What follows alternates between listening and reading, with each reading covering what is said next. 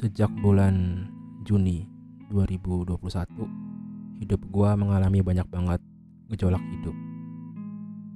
Ya, bisa dibilang gua mengalami fase-fase yang sangat berat sekali antara bulan Juni, Juli, Agustus, September, Oktober. Ya, bisa dibilang eh gua mengalami sesuatu hal yang cukup berat banget di mana dimulai pada bulan Juni gue mengalami masalah sama diri gue sendiri. Di mana gue punya project foto itu berantakan dan nggak uh, sesuai sama rencana gue. Akhirnya gue memutuskan buat keluar dari zona fotografi. Lalu di sana gue ketemu sama cewek bernama Talia dia nggak uh, tahu kenapa waktu gue kenal dia pertama kali di salah satu sosial media gue ngerasa kalau dia itu ya um, hal yang mungkin dikirim sama yang maha kuasa buat menyadarkan gue gitu. Karena uh, gue orangnya itu jujur aja gue egois gak pernah mau dengerin saran orang lain dan keras kepala banget. Tapi waktu itu dia pernah minta gue buat potong rambut sama sama cukur kumis dan gue nggak tahu kenapa gue waktu itu pengen banget uh, ngelakuin itu. Gue jadi kayak uh, sadar kalau apa yang dibilangin sama Talia itu benar. Kalau gue kumisnya berantakan gue harus merapin rambut dan semacamnya. Karena sebelumnya gue tuh nggak pernah mengurus hidup gue ya. Gue bener-bener berantakan hidup gue bener-bener kusut rambut gue berantakan semuanya itu nggak disusun dengan rapih banget gitu. Kamar gue juga kayak kamar pecah gitu. Terus pas uh, gue sama dia baru jadian satu minggu terus gue ada tawaran buat ngurus uh, perusahaan saudara gue tapi ya nggak kesampaian terus uh, mulai gue mulai usaha buat terbuka sama keluarga gue di mana gue sebelumnya tertutup banget sama keluarga gue ya. Gue orangnya nggak pernah mau jujur apa mau gue apa tujuan gue hidup gue dan semacamnya gitu. Terus uh, gue tiba-tiba ngomong sama nyokap gue gue pengen bikin usaha baju gitu. Terus uh, akhirnya mulailah tuh uh, gue diminta buat uh, cari-cari baju buat jual-jualin baju-baju bekas dan semacamnya gitu tapi nggak pernah gue lakuin karena jujur aja gue males sebenarnya gitu. Dan terus uh, pada bulan Agustus bulan Juli sebelumnya gue uh, ngalamin yang namanya suicide touch yang sangat sangat cukup berat banget di mana gue waktu itu gue sampai uh, buang-buang air berdarah tentunya terus juga mual-mual dan gue di sana ngerasain seperti uh, apa ya naik turunnya mood gitu. Jadi gue senang banget masak tapi tahu-tahu gue gampang emosian gue sensitifnya kuat banget. Gue sampai uh, ngelukain diri gue sendiri pakai pisau waktu itu. Dan ya nggak tahu. Jadi kayak buka diri gue gitu. Lalu bulan uh, Agustus waktu gue masih kondisi-kondisinya lagi down banget parah. Gue waktu itu sempat ngomong juga sama nyokap gue uh, sorry nggak bisa gue tunjukin chatnya. Gue waktu itu bilang kalau gue itu adalah produk yang gagal gue nggak mau uh, orang seperti sama gue. Waktu itu kesel banget karena project foto gagal gue benar-benar nggak punya semangat buat hidup lagi. Lagi gue ada trauma gue dulu sekolah sama kuliah gagal gitu nah terus setelah itu uh, gue mulai coba mengalihkan uh, self harm gue karena gue udah buat perjanjian sama Talia yang akan jadi pacar gue itu buat berarti self harm gue uh, mengalihkannya dengan cara gue coret-coret badan gue pakai pakai pulpen dan waktu itu nyokap gue ngelihat gue kayak ah lu ada-ada aja masa badan coret pakai pulpen gitu gitu corok kayak gitu. Terus gue sama sekali nggak nyangka waktu bulan Agustus bokap gue itu kan ke pulang kampung ke Jawa terus di sana tuh bah gue meninggal. Jadi nyokap gue tuh nyusul ke sana tengah malam jam 11 uh, sama suami kakak gue kakak gue dan juga uh, anaknya. Suami kakak gue tuh dalam keadaan ngantuk karena baru aja lembur jam 10 malam baru sampai rumah dan jam 12 sudah jalan ke sana gitu. Jam 12 atau jam jam 11 gitu udah jalan ke sana. Terus ya bisa ditebak ya uh, mobilnya itu nabrak truk dan nabrak membatas jalan tol dan di, di tol di daerah Jawa Tengah dan uh, nyokap gue kecelakaan sama kakak gue. Dua anak selamat suami suaminya itu cuma kena luka di kepala. Tapi yang parah tuh nyokap gue sama kakak gue. Kakak gue itu kena di belakang nyokap gue itu kena di belakang juga di kaki dan di tangan juga kena sama ada cedera di kepala gitu. Jadi udah nggak uh, bisa berfungsi seperti seperti semula gitu cara pikirannya dan semacamnya gitu. Mungkin juga stres karena uh, gue selalu ngeluh sama nyokap gue waktu sebelum kecelakaan. Kalau gue itu udah bosan hidup dan semacamnya dan malah nyokap gue kena musibah kayak seperti itu gitu.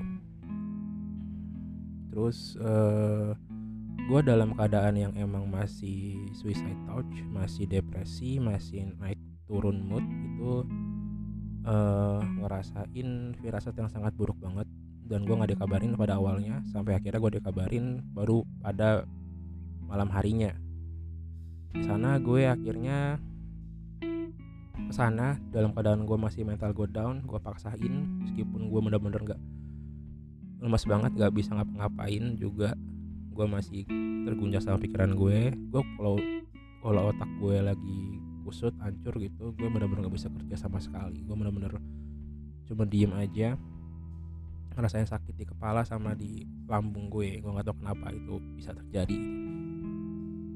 Sampai sana gue coba usaha ngerawat nyokap gue ternyata gue cuman uh, ya nggak gimana ya nggak tega ngeliat nyokap gue bisa rasa sakit kayak gitu. Gue malah menghindar gue malah pergi.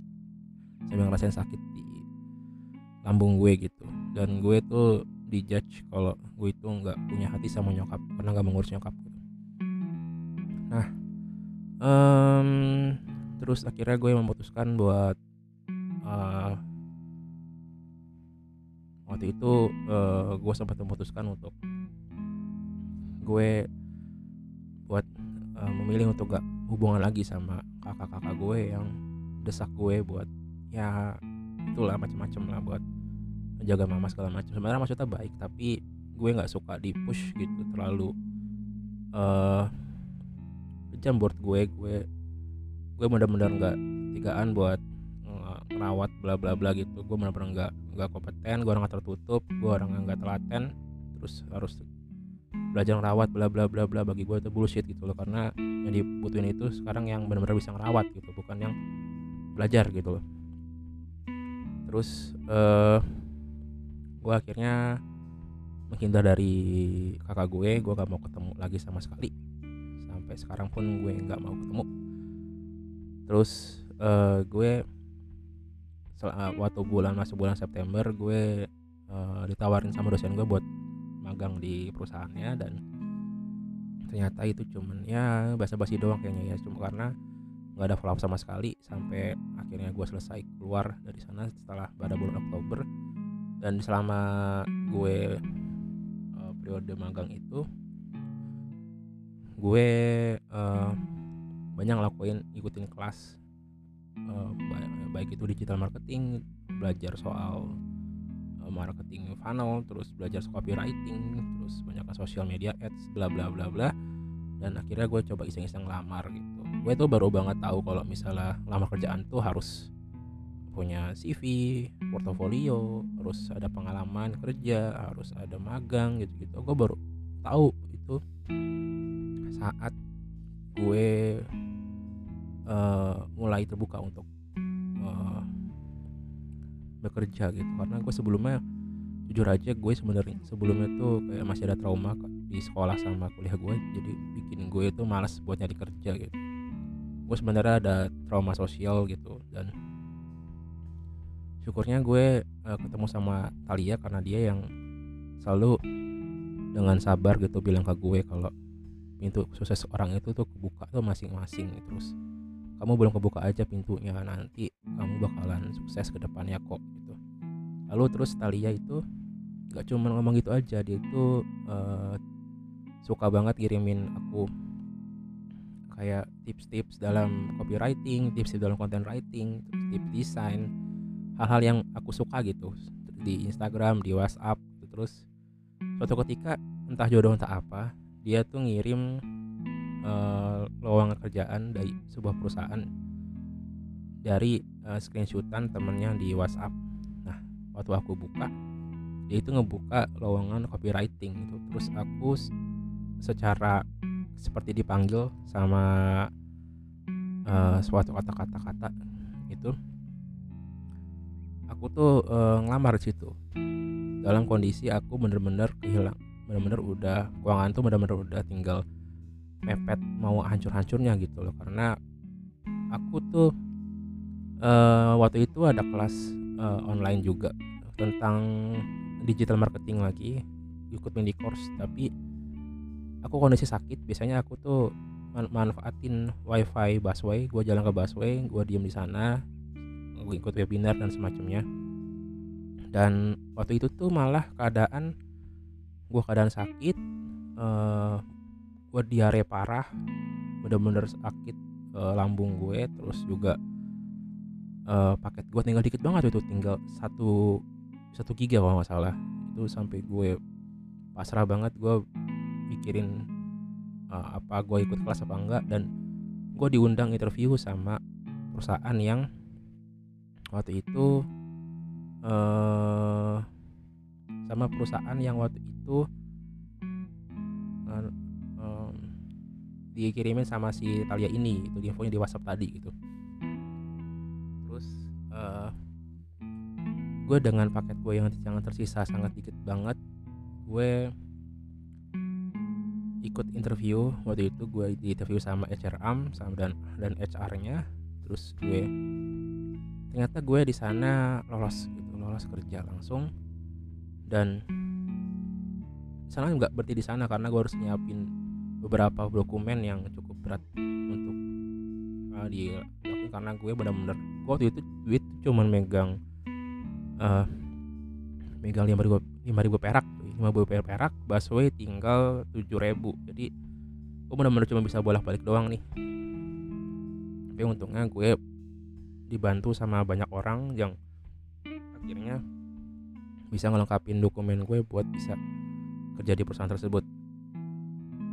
Nah um, ini baru awal mula uh, gue membangun karir gue di dunia kerja. Gue sekarang bekerja di bidang copywriting. Gue mengurusi sosial media dan juga website dari perusahaan dan semoga ke depannya uh, apa yang gue alamin ini bisa jadi pelajaran kalau jangan pernah menyerah deh dalam hidup tuh. Gue salah satu yang hampir nyerah gue sempat uh, minum uh, racun. Gak minum racun sih tapi makan makanan yang sekiranya mungkin sudah beracun.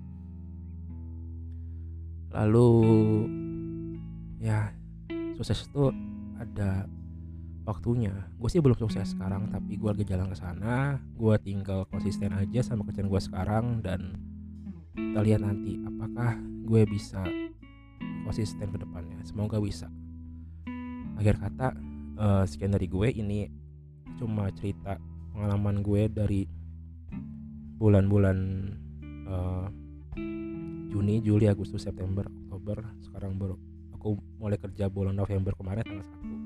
Baru masuk semingguan ini. Dan semoga ya kita bisa memperbaiki. Gue mulai bisa untuk uh, stabil dalam keuangan because uh, ada satu hal yang ingin aku lakuin ke depannya aku ingin menikahi perempuan yang udah ngurubah aku perempuan yang uh, berjasa buat aku yang selalu ada dan nahan egoismenya aku rela buat ya apa pun itulah gitu. Mungkin dia nggak ngerasa kalau dia ngerubah aku tapi dia benar-benar ngerubah aku aku benar-benar sayang sama dia. Semoga dia dengar podcast ini ya suatu saat nanti ya. I love you Talia. Gue bener-bener saat ini gue bener-bener pengen banget. Setelah keuangan gue stabil setelah gue mapan gue pengen banget datang ke lu dan gue pengen banget sama lu. Semoga lu mau sama gue ya. Sekian